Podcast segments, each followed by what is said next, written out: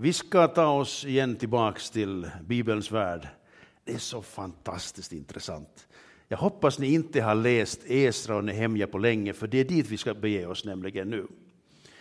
Eh, och eh, det är ganska kända historier naturligtvis, men låt oss, låt oss nu i alla fall ta en titt på vad vi kan lära oss av det här idag, och som kanske också har faktiskt lite, eh, hur ska jag säga, Eh, det påverkar också hur vi tänker kring framtiden, kring nya ledare i församlingen och så vidare.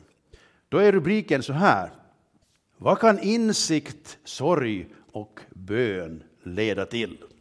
Det är här var vi börjar i Esra och Nehemjas berättelse som ju pågår, eller som hände för, för länge sedan. Och eh, ibland så har jag åtminstone varit lite förvirrad av varför de här böckerna kommer i sån här konstig ordning i Bibeln. För när Esra och Nehemja levde så var det efter Daniel. Så de här böckerna borde man egentligen läsa efter Daniel för att förstå det historiska sammanhanget. Eh, och Daniel känner vi ju bra till, Daniel i lejongropen, Daniel eh, som blev en högt uppsatt man som levde länge under flera kungar och fick en väldigt stor, stark ställning i, i Babel, långt borta ifrån Israels land. För där befann sig ju folket i fångenskap. Och eh, det här var ju en, en, en bedrövlig tid, upplevde många. Vi ville vara i Judaland, vi ville vara i Israels land, vi ville vara i Jerusalem. Och eh, det är inte längre möjligt. Därför att eh, Nebukadnessar kom dit för några decennier tidigare och förstörde templet och drev bort folket och tog med sig tiotusentals människor dit till Babel. Och där hade de levt i decennier och så vet vi att Daniel började läsa Jeremia och Jeremia hade profeterat om att det ska gå 70 år och sen ska folket få återvända. Men Daniel fick inte se det här, men han, hans efterlevande, bland annat Esra och Nehemja, och en kille som hette Serubabel. När har du läst om Serubabel senast? Han är en jätteviktig person i den här, det här dramat som vi nu ska titta på. Han levde också där i Babel.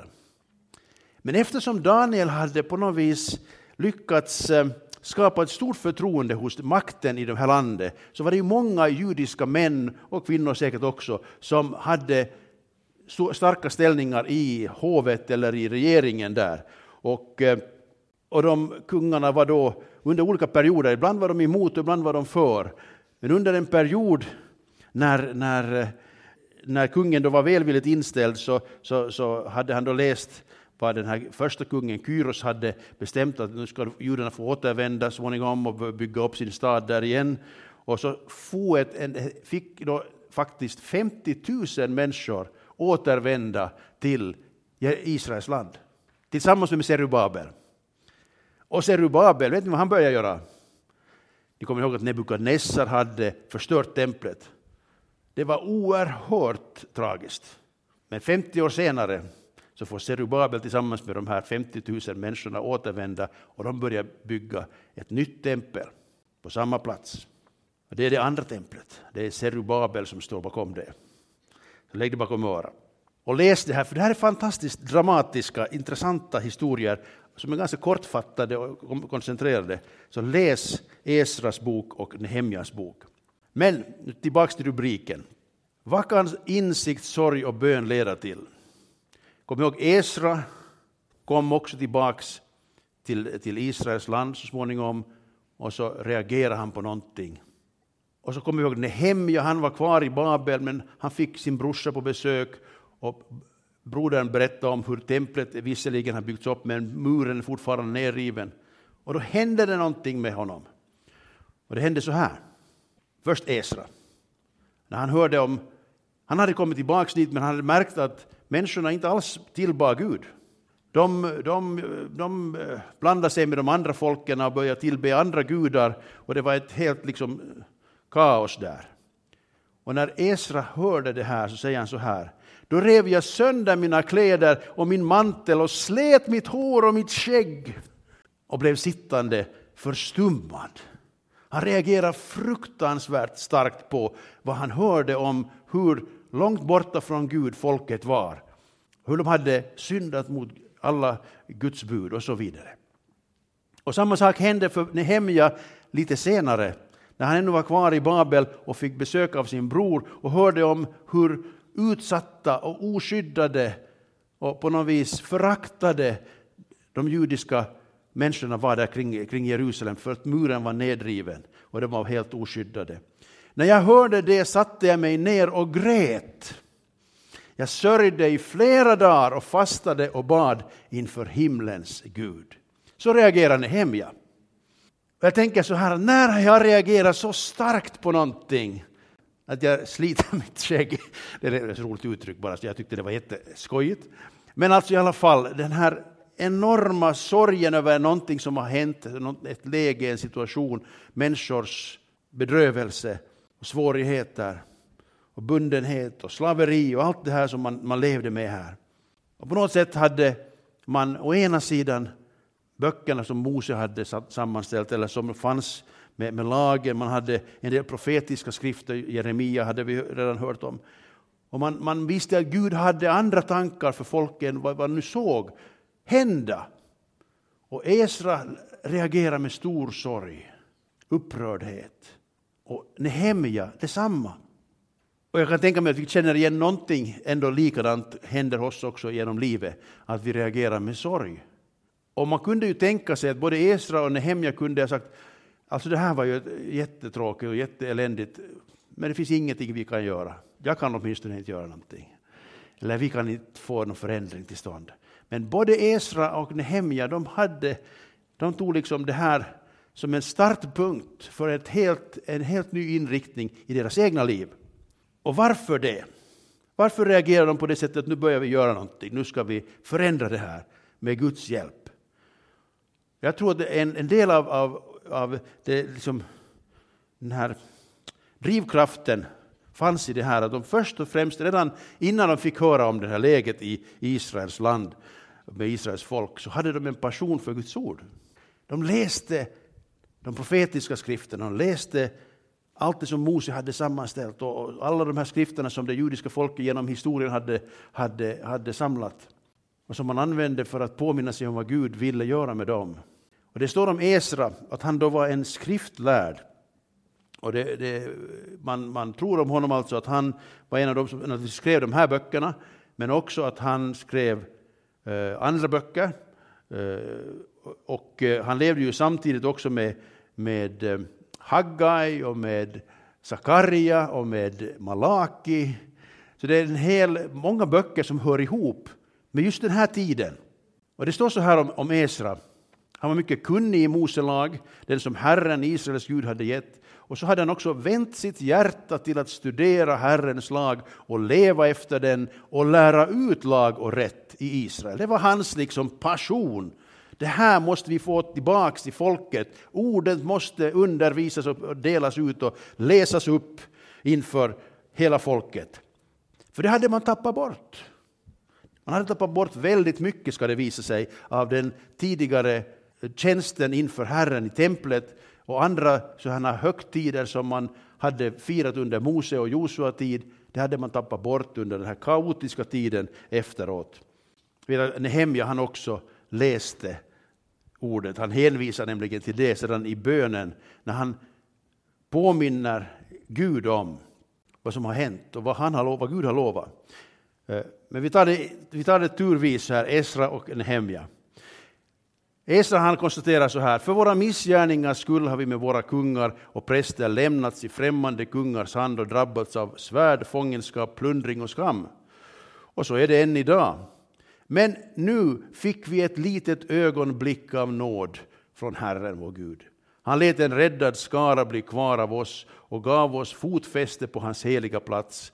Vår Gud lät våra ögon få ljus och gav oss nytt liv i vårt slaveri. Här eh, hänvisar han till det här att det kom människor tillbaks och de kunde börja bygga på templet och det var ett ögonblick av nåd från Herren.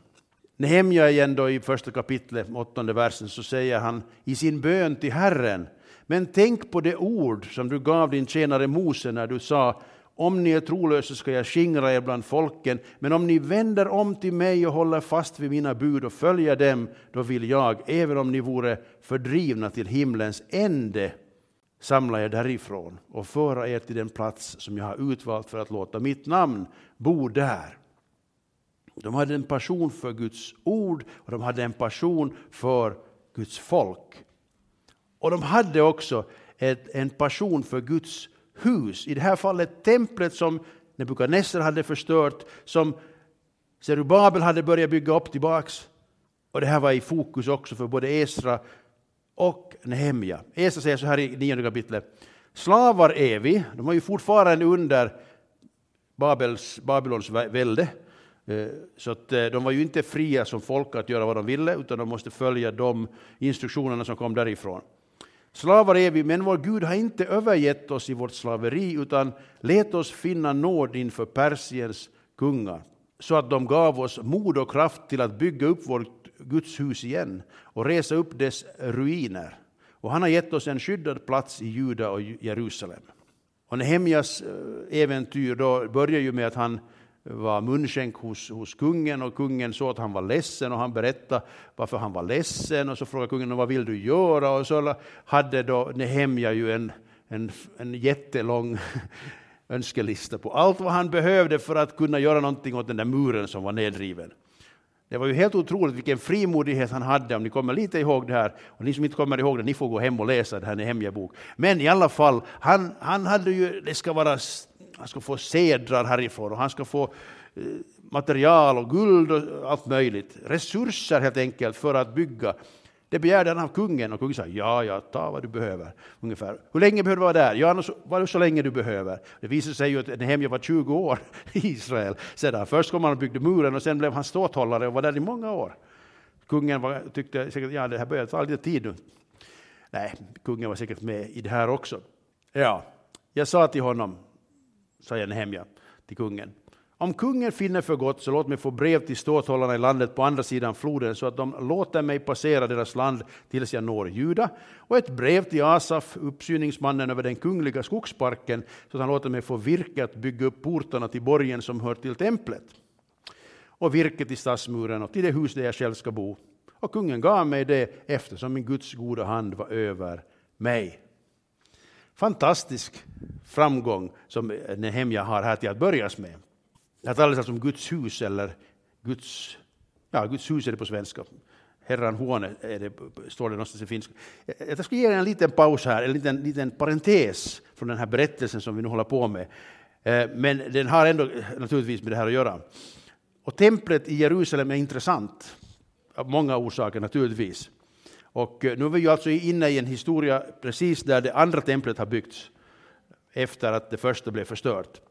Allt börjar ju med Mose när han, han först fick instruktioner av Gud att han skulle ordna med tabernaklet i öknen. När de vandrade omkring i ödemarken så skulle de ändå ha ett tält nere i mitten i, till vänster i bilden. Och eh, så småningom så när David och Salomo eh, började planera för tempelbygget så blev det ju sedan byggt under Salomos tid och då talar vi alltså om 900-talet före Kristus. 900-talet, det är länge sedan. Och så stod det här Salomos tempel ungefär 400 år tills då Nebukadnessar kom och förstörde det. 586 har man räknat ut att det var före Kristus. Så dit får det. Men sen då 50 år senare så kom Zerubabel och många andra tillbaka och de började bygga upp det andra templet, det som är där i mitten, det lite mer anspråkslösare templet. De, det var ju så här att de var väldigt glada, de som levde då, de unga var speciellt glada, nu har vi fått templet tillbaks. Medan de gamla tänkte, nej det här är ju ingenting jämfört med det gamla templet, för det var mycket bättre förr, förr i tiden. Så det var en intressant sån här generationsdynamik där. Det här templet som Zerubabel var med och byggde upp, det stod sig ända fram till år ungefär 20 före Kristus. Och då kom Herodes. Och han, han byggde Eh, upp det lite mer, eller han utvidgade och smyckade och, och, gjorde det så jättefint så att folk var väldigt imponerade. Och nu kan ni lägga märke till en sak, att det här höll de på med alltså i 46 år och byggde på Herodes tempel i Jerusalem från 20 år före Kristus, alltså till cirka 26 efter Kristus. Och vem rörde sig då 26 efter Kristus där i det här landet? Där rörde sig Jesus. Och han åkte till templet med sina föräldrar. Han blev kvar där i templet med, utan sina föräldrar. Ni vet, varje år så åkte de till templet Det här fantastiska bygget som Herodes hade hållit på med så länge och satsat pengar på och ville ha all ära naturligtvis för det skrytbygget. Så när, när Jesus sedan började sin verksamhet, cirka där kring 30 år efter sin födelse, så, så var ju det här templet splitternytt. Det var ungefär som den här kyrkan när vi i början på 2000-talet fick hit gäster och titta nu, den är så fin. Och fortfarande tycker vi att det är nästan en nytt fast det är 27 år gammal. Men i alla fall, eh, alla var ju imponerade. Och det här var också centrum för det israeliska folket, det judiska folkets tillbedjan. Det var det här man förväntade sig att Gud skulle komma nära och tala till prästerna som sen kunde berätta för folket vad Gud ville. Och vi vet att Gud uppenbarar sig i templet under många, gånger, många tillfällen. Tänk bara, tänk bara när, när, när Jesus föddes. Visst var ju Gud där. När de bar fram honom i templet, eh, där han var riktigt nyfödd, så, så kommer emot. Vem var det som kom emot då? Simeon, som kommer och är helt fantastisk. Inspirerad av den helige Ande kommer han dit för att se Guds lamm, frälsaren för hela världen, uppenbaras i köttet. Mitt i det här templet. Nåväl, Jesus han går omkring och besöker templet han också. Det här templet har alltså funnits i olika former då, i nästan tusen år. Så för det judiska folket var ju templet enormt liksom centralt och viktigt. Det var där de hade liksom kontaktytan med Gud riktigt på riktigt tyckte de. Och det här definierar ju också dem som inbyggare i landet. Om man tänker liksom, vad, har, vad har judarna för koppling till Israel? Då kan man säga att templet var där i tusen år. Det är en stark liksom, närvaro under alla dessa år. Även om en del av folket var bortförda under fångenskapen och de tio stammarna försvann någonstans så har det ändå funnits, eh, det judiska folket har funnits där eh, under många tusen år. Nåväl, sen måste vi ändå ta med den här, den här detaljen då. När folk då imponeras av det här bygget så säger Jesus någonting väldigt radikalt. För alla hade ju liksom på något vis, så länge vi har templet, ja då är det bra. Och när några talade, står det i Lukas 21, då så här, när några talade om hur templet var utsmyckat med vackra stenar och tempelgåvor, sa Jesus, det här som ni ser, det ska komma dagar då här inte lämnas sten på sten, allt ska rivas ner. Det hade Herodes byggt i 46 år och Jesus säger, allt ska rivas ner.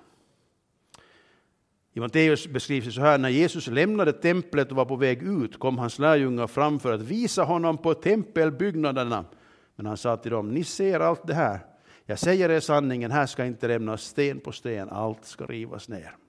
Och så var det ett tillfälle när Jesus gjorde någonting som judarna reagerade på och så frågade de honom, vad kan du visa oss för tecken eftersom du gör så här? Jesus svarade, riv ner det här templet så ska jag resa upp det på tre dagar. I 46 år har man byggt på det här templet och du ska resa upp det på tre dagar. Wow! Så de tänkte totalt på det här fysiska templet naturligtvis. Men templet han talade om var hans kropp och när han sedan uppstod från de döda och kom hans lärjungar ihåg att han hade sagt det här och de trodde på skriften och på ordet som Jesus hade sagt. Kommer också ihåg Jesu möte med, med den samaritiska kvinnan där, där hon också hänvisar till att ja, men ni judar vill ju att man ska gå till templet för att tillbe Herren. Och då säger Jesus att ja, det kommer en tid där det är varken i templet eller i på Samarias berg, utan det är sanna tillbedjare som var som helst kommer att tillbe Herren. Eh, han, han talar om det kommer en ny tid och den kommer nu genom mig. Eh, vilken, vilken dramatisk skiftning i att förstå vad det handlar om och vad Gud håller på med att göra. Och menar, han, Gud hade ju gett dem instruktioner om tabernaklet och, och, och liksom tempeltjänsten och offertjänsten. Och, och där var lovsångare och där var böner och det var eh, allt möjligt. Så Gud ville ju att folk skulle komma samman och höra till ordet, lyssna till ordet och tillbe honom och be till honom och, och liksom leva i gemenskapen med honom tillsammans.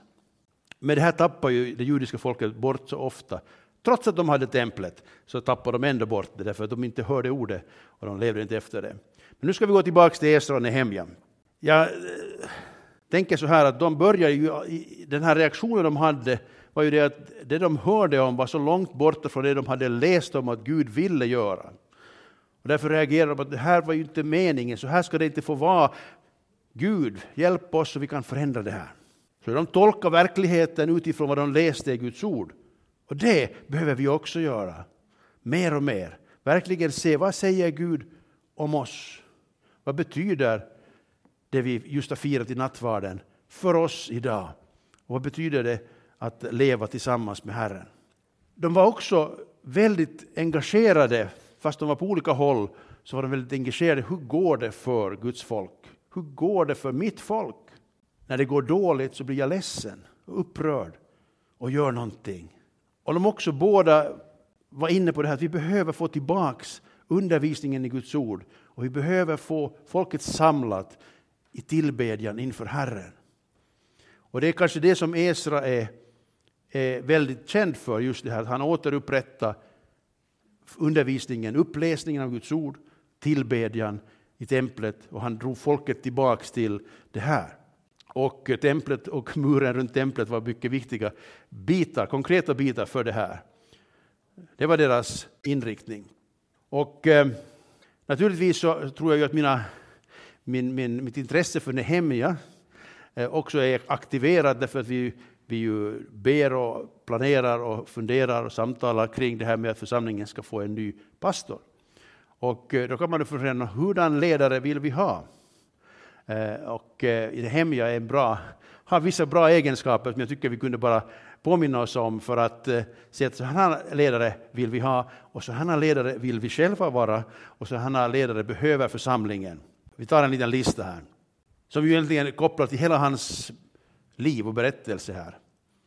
Jag har redan konstaterat att han, han, liksom, han eh, tolkade verkligheten utifrån vad han hade läst i Guds ord och han bad så fort han märkte att det här är omöjligt, det här är svårt, det här kan jag inte så lätt ta tag i, så började han be och påminna sig själv och påminna Gud också, om nu Gud behövde någon påminnelse, om att du har ju lovat någonting annat än vad jag ser. Och så började han fundera. Och så fick han en vision som ju faktiskt han själv säger, Gud hade lagt på mitt hjärta någonting, att jag skulle göra någonting för Jerusalem. Jag tycker den här boken beskriver det så trevligt, när han själv berättar om det här så säger han, jag, jag, berättade inte för någon när jag kom dit vad Gud hade lagt på mitt hjärta. Och så eh, bekantade han sig med situationen och sen på natten så får han ut med en häst och red omkring eh, Jerusalem för att inspektera att vad är läget, var, var är det sönder, var behöver det byggas si och så, var ska det finnas en port och var ska det finnas en mur. Och så berättar han så småningom förstås vad Gud hade inspirerat honom till. Och ni vet, han redan, redan när han var där i Babel så, så började han ju planera, vad behöver jag då om jag vet att muren är nerriven, vad behöver jag för att bygga upp det? Så han hade ju, han ville ha tre virke för att kunna bygga portar, han behövde ha bommar och han skulle ha lås på dem och allt möjligt.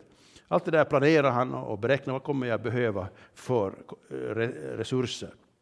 I Nehemja 3 så kan man läsa om hur han börjar organisera det här. Det är ju ett fantastiskt exempel på hur man kan göra mycket på kort tid om man är många som gör var sin del. Och, och, det finns ju till och med kartor, har jag hittat någonstans här, som, där man visar hur, hur de här olika familjerna, olika grupperna, och prästerna och leviterna och alla möjliga var fördelade runt hela stan, runt muren, den söndriga, nerrivna muren, för att bygga på sin del. Och så byggde man där hela tiden eh, på sin avgränsade del och så var det någon annan som byggde bredvid och till sist kunde man på 52 dagar få upp hela muren. Fantastiskt projekt. Fantastiskt projekt. Och han eh, alltså organiserade och delegerade. Och sen så var det ju så här att vi också minns att han hamnade alltid i svårigheter också, därför att det var ju inte alla som tyckte om det här att Jerusalem skulle bli igen på något vis skyddat och att, att det judiska folket skulle på något vis känna sig stolthet över sitt läge och kunna vara glada och trygga. Nej, de var motståndare till det här. Det var det redan på Esras tid, lite tidigare, och sen, sen när Nehemja kom så var det fortfarande människor som ville förstöra de här byggplanerna och, eh, och de, eh, de skrev till kungen och de kom och hotade folk och de försökte muta dem. Det var alla möjliga intriger som man försökte eh, genomföra för att eh, stoppa bygget. Och det är ju en, en, en fantastisk berättelse på hur, hur Nehemja ändå tog tag i det här. Först så bad han, Herre hjälp mig, ge mig vishet, hjälp oss att hitta vägen här. Och sen så organiserade han folk att de skulle stå igen längs murarna på något vis och eh, fortsätta arbetet men samtidigt också ha svärdet och spjutet och, och vapnen beredda att ifall det kommer folk som anfaller dem så är de också beredda att slåss. Så de, det står om de som gick omkring och bar grejer, så bar de då murbruket i ena handen och svärdet i andra handen. Det var ett ganska dramatisk, dramatiskt bygge. Men så hanterar man i alla fall också de här utmaningarna som, som, eh, som eh, kom. Mitt i allt det här så fanns det också människor som, som hamnade i knipa. Människor som tog för mycket lån och blev skuldsatta. Och när de inte kunde betala så, så var ju systemet det att okej, okay, då får man sälja sina barn eller sig själv till slav. Och det här reagerade det här liksom upplevde ju de förstås som jättejobbigt. Och han, han reagerar på det här sättet, jag tycker det också ganska visar någonting om hans karaktär. Så att här har liksom Gud varit nådig mot oss och skickat hem en massa människor från Babel, från fångenskapen i Babel, så har vi kommit hit, Gud har hjälpt oss. Och sen så sätter vi varandra i slaveri. Så här kan vi ju inte hålla på. Nu så ska vi ge skuldsanering, nu ska vi förlåta dem deras skulder och så ska de få börja få liksom ett rent bord. Radikalt, men också i linje med vad Gud hade gett för instruktioner till Mose. Så här ska vi hantera dem som är riktigt i knipa. Så Nehemja visar, han var ju, verkar ju vara en driftig och stark man, men han hade empati med dem som inte var så starka. Han hade också integritet och var opartisk. Han, det står just om det här, de här eh, motståndarna, så de kom och försökte liksom, ja men, inte måste vi göra det här. Du får en mer lukrativ så att säga, eh, business om du jobbar med oss. Eh, och så här. Så att, att, eh, och det stod han också emot. Han lät sig inte mutas. Och om, om han var någonting så var han ju väldigt målmedveten. Han hade gjort en plan och så jobbade han och tog med sig folket. Nu går vi för att bygga muren. Så både med Guds hjälp och med människors hjälp så fick han då se sin dröm bli verklighet. Så ta och läs Esra och Nehemja. Det är fantastiskt spännande historier och lärorika om hur man kan ta itu med stora utmaningar och komma väldigt långt tillsammans med, med, när man gör det tillsammans. Eh, och hur man då hanterar svårigheterna, motgångarna och hur man håller fast vid sitt, sin målsättning genom allt. Det börjar med bön och sorg och bön och så slutar det med invigningsfest. Ja, så jag tänker att, några av de där egenskaperna som vi just gick igenom, det är sånt som vi gärna vill se i vår kommande pastor, naturligtvis, och i oss själva. Jag tänker att det här är väldigt generellt för alla människor. Vi behöver ta intryck och lära oss någonting av Esras och Nehemjas exempel.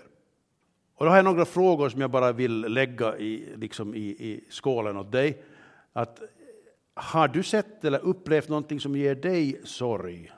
Det är en retorisk fråga, för jag vet att så är det ju nog med oss alla. Om vi har levt några år så har vi upplevt saker som gör oss ledsna. I oss, e-, vårt eget liv, i vår familj eller i vårt sammanhang. Det finns saker som, som är jobbiga, svåra. Eh, jag tror inte att du behöver slita ditt hår eller ditt skägg heller. Eh, men det, där, det, det uttrycker ju helt enkelt hur stor reaktion eh, eh, hem jag hade här. Och den, den känslan kanske vi också bär på eller upplever ibland. Om man då tar hans exempel, eller deras exempel, så har vi då gått till, till Gud i bön och till andra människor också i samtal med den här sorgen och med den här längtan efter förändring. Det känner vi också igen. Och jag tänker att det här är en, en, en återkommande sak vi behöver helt enkelt ha i vårt liv, att vi kan dela naturligtvis med Gud men också med andra människor det som vi kämpar med. Det är en del av Nehemjas och Esras så att säga, process och det är också något vi behöver leva i. Med hänvisning till Nehemja och Esra, har du en passion för Guds ord, för Guds folk och för Guds hus? Jag tror att det där är också en ganska viktig fråga. Det var ju många människor som, som var i fångenskap, det var många människor som, som fick komma tillbaka, det var många som fanns i Israel. Men alla hade ju inte passion för Guds ord, eller hur? För Guds ord hade ju på något vis försvunnit mer eller mindre från det dagliga bruket. Det var ju alla som kunde läsa heller, men man hade ingen, eh, man hade ingen gudstjänst heller där man kunde höra Guds ord. Så att folk levde utan Guds ord, mer eller mindre. många av dem. Men det fanns alltid några som hade passion för Guds ord och de har vi nu läst exempel på. Har du passion för Guds folk? Det tycker Jag också också en, en, en, en viktig fråga. Därför att ibland så är vi ju så individualistiska så vi känner oss inte att det här som händer i församlingen är ju inte mitt ansvar, det är ju de där i församlingen som ska ta hand om det. Det kunde också Nehemja, jag är ju här i Babel, liksom, det är så långt bort, det är tusentals kilometer dit, och jag, jag menar kamel, det tar långa månader innan jag kommer dit. De får nog ta hand om det där själva. Nej, han var en del av Guds folk. Fast han var i främmande land under en främmande kung så var hans hjärta ändå med hans folk i judeland. Jag tänker det här är något vi kan ta efter, eller behöver smittas av. Att Gud kallar oss att också ha passion för hans folk. Vem är hans folk? Idag, här, hos oss. Jag visste det ju församlingen, de troendes gemenskap. Det är Guds folk. Och Gud har passion för sitt folk. Han kallar oss att ha passion för hans folk. Och när vi blir ledsna över någonting bland Guds folk så ska vi reagera. Vi ska be. Och så ska vi ta murbruket och, och svärdet och så ska vi göra någonting åt saken tillsammans. Det är vår kallelse. Har du passion för Guds hus? För Nehemja och Esa var det ju väldigt konkret. Det handlade om templet i Jerusalem som skulle byggas och försvaras. Och det skulle liksom inrättas en tempeltjänst, en gudstjänst, en tillbedjan, en offertjänst. Det var allt viktigt och väldigt konkret. Jag tänker att också här är det ju ganska konkret. I det här huset skulle vi inte sitta om inte det skulle finnas människor med passion för att bygga ett Guds hus i Sibbo, i Nickby, för Betaniaförsamlingen. Och vi som var med, vi kommer ihåg hur många som hade verkligen hjärta för att det här huset skulle förverkligas, för att vi skulle kunna fortsätta samlas till gudstjänst och höra Guds ord. Jag tänker att det finns också en poäng med det, där vi talar om frivilliga i församlingen, som behöver ha en passion för att det här ska vara städat och det ska vara servering och det ska vara allt det här praktiska ska fungera. Vi har några passionerade, inte pensionerade, men passionerade husbyggare här. Jag älskar mina, mina tänker jag säga här, men våra disponenter, de är riktiga huspassionister. Men de behöver hjälp, de behöver yngre människor med och vi jobbar på det naturligtvis. Som också har en kärlek till att det som vi ska leva i och jobba med och använda, det ska fungera, det ska vara väl omhändertaget. Men framför allt är Guds hus fortfarande samma som Guds folk också i Jesu nya definition så att säga. Det där huset är mindre viktigt trots allt, men det är nog bra att ha. Har du fått visioner, har du gjort planer, har du samlat resurser, har du fått med dig andra exempel från Nehemjas eh, liv här. Har du börjat eller har du hållit på med att arbeta för att förverkliga den dröm, den vision, den plan som Gud har lagt på ditt hjärta? Det här tror jag också är en jätteviktig ingrediens i en pingstförsamlings liv och alla församlingars liv. Det är att det finns människor som, som på något sätt fått någonting som Gud har lagt på deras hjärta. Alla kan få någonting på sitt hjärta av Gud själv som gäller tjänsten och kallelsen och livet här tillsammans med andra. Och jag tänker att du nog känner igen en del, många av oss har varit med och förverkligat många planer och visioner och jobbat med varandra. Men jag tänker att det här är en viktig ingrediens i ett, i ett sunt liv. Det är att man på något sätt också lyssnar in vad Gud vill för att höra vad har, vad har du liksom sett som möjligt för mig att vara med i. Och sen då den här sista då med, med exemplet från Nehemja, att hur hanterar du utmaningarna som ändå kommer alltid i våra liv, vare sig vi liksom bara håller på med vårt eget eller om vi håller på med det som Gud har lagt på vårt hjärta, så kommer det motstånd, det kommer svårigheter, det kommer komplikationer som gör att vi kanske frestas att ge upp, lämna och, och liksom låt någon annan ta hand om det här. Hur gjorde Nehemja? Han både bad till Gud, han, han samlade människor omkring sig, han stod dem emot som ville eh, stoppa honom. Det fanns ju till exempel ett sånt bra exempel när de här just försökte säga att men kom hit över till oss så ska vi prata om saker och ting. Så säger Nehemja, nej nu håller jag på med något så viktigt så jag kan ju inte låta mig distraheras av era förslag, utan nu jobbar jag här och ni får sköta er själva. Lite någonting av det här fokuset också som, som Nehemja hade är fantastiskt. Nåja, det började lite, lite i moll. Det börjar alltså i moll med sorgreaktion, problem, omöjligheter. Folket är i kaos. Vad ska vi göra? Men det slutar ändå i dur naturligtvis. Det står så här. Hela församlingen av dem som återvänt från fångenskapen gjorde lövhyddor och bodde i dem. Från Josuas, Nuns sons dagar, alltså nästan tusen år tidigare, hade Israels barn inte gjort så. Och glädjen var mycket stor. Esra läste ur Guds lagbok varje dag, från första dagen till den sista. Där var alltså de började fira lövhyddohögtiden igen. Det hade man alltså inte gjort på jättelänge, men man hade ju börjat läsa Guds ord. Och Esra läste Guds ord och så upptäckte de att det står ju i Mose lag att man ska fira lövhyddohögtid i åtta dagar. Och så började man, återupptog man den här Eh, traditionen eller den här festen, högtiden. Och det har man ju då hållit på med tills denna dag, eller hur? Fortfarande firar man lövhyddohögtid i, i det judiska folkets kalender. De firar högtiden i sju dagar och på den åttonde dagen hölls en högtidsförsamling som det var föreskrivet. Och glädjen var mycket stor. Man hade återupprättat tempeltjänsten med allt vad det innebar. Man hade börjat få in lite lovsångare till och med. Det står sen lite, lite senare i det tolfte kapitlet, tror jag, i Nehemja, när de skulle inviga muren när den var klar. Då hade de så att de hade två lovsångskörer. Och så gick Esra åt ena hållet längs med muren och så gick Nehemja med andra lovsångskören åt andra hållet på muren. Och så möttes de och så hade de en big celebration. Fantastiskt roligt.